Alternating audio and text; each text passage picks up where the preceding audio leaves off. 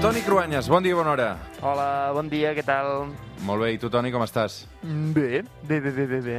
bé, Tu ets dels que t'enganxes a, a les telenovel·les o no? A veure, no, la, ara no, però havia, quan estudiant sí, jo m'havia enganxat molt. Eh, Gent del barri, tu l'havies arribat a veure? Gent del barri, Ah, no, era no, britànica? No, no, gent, del, gent del barri no. no. EastEnders. El cor, de, el cor de la ciutat, eh, quan era un preadolescent, potser, però no, no, no. Avui ens vols parlar de sèries, Toni. Sí, a veure, mira, a veure si et sona això. Güzel anılardan bir sayfa seç oku Acılar Ni idea. Ni, ni absoluta remota idea, Toni. És normal, uh, però de seguida t'ho explicaré per què. Però mira, la que segur que saps identificar és aquesta sintonia. Home. Això, no, no la vaig veure pràcticament mai. Deu ser Dallas, no, això? Sí, Dallas. Mira, fa, fa gairebé 40 anys, TV3 els diumenges a la nit emetia Dallas. Eh? Era una sèrie sobre el glamour, el poder de les famílies petroleres de Texas, hi havia el JR, la Suelen... Avui, en canvi, TV3 comença a emetre una nova sèrie que es diu Germans, és turca i és la que sentíem a l'inici res fa un minut. O sigui, que se suma a la moda de les sèries turques d'alguna manera a TV3, eh? Sí, a veure, això és un veritable boom, això de les sèries turques, eh? Antena 3 i Telecinco ja fa temps que n'emeten i, i que tenen molta audiència.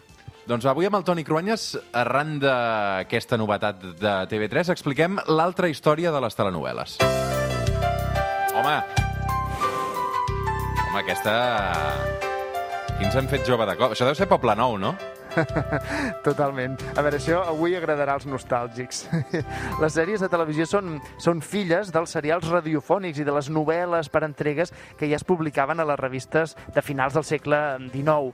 És clar, els primers països on es van desenvolupar, on van tenir èxit les telesèries, lògicament, són els que ja tenien una bona indústria del cinema i, i també, sobretot, on ja hi havia una gran xarxa de televisions distribuïda. Clar, això passava als Estats Units, que de fet encara avui és la gran precursora de sèries i de continguts televisius.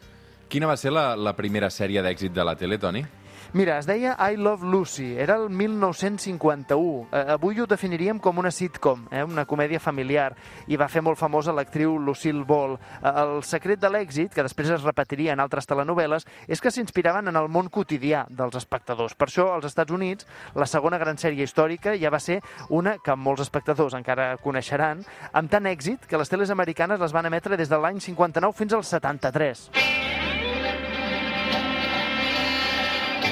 Se acaba allò que viene Bonanza, no?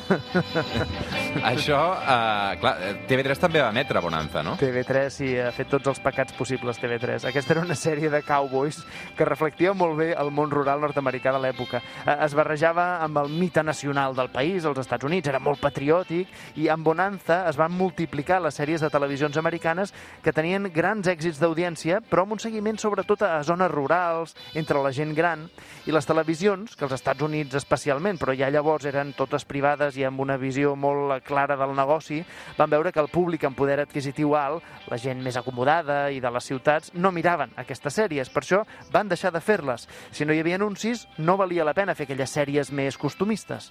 Va arribar un moment en què les telenovel·les van deixar de, de ser rendibles per, per les televisions eh, nord-americanes, no, Toni? Per Ah, tant? exacte. I llavors van començar les sèries de més qualitat, especialment les destinades a un públic aspiracional, a un públic més ric o amb ganes de consumir. I d'aquí apareix eh, Dallas, eh, Falcon Crest, eh, Dinastia fins i tot, amb grans cases i cotxes i roba de luxe, no? Ah, exacte. Aquestes sèries a casa nostra van tenir també la seva rèplica. I si Poble Nou mostrava la vida d'una família de classe mitjana-baixa, la sèrie dels rics per excel·lència de TV3 va ser...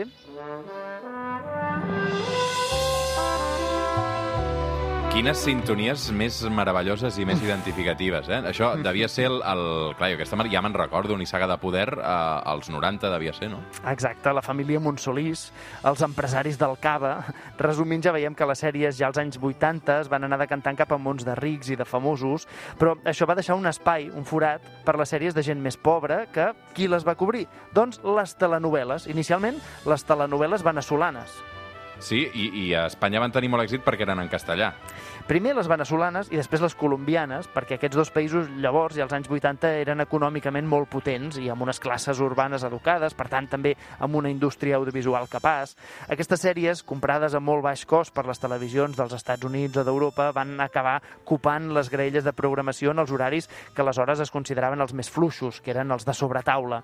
Va ser com un boom de telenovel·les llatinoamericanes que es van convertir en un gènere per elles mateixes en produccions brasileres i mexicanes. Perdona mi actitud, quizá debí llamar Això no, això no sé què és, Toni. Aquesta és Cristal.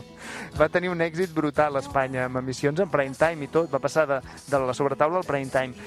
Ara està passant un altre cop el mateix que els 80 i els 90, amb les sèries que llavors s'emetien totes en una hora determinada i en una sola cadena a la tele. Ara ho mirem tot per plataformes, amb el mòbil, amb l'iPad, i la competició global de sèries han fet que les grans produccions les facin els països més rics, més industrialitzats, els més avançats del món.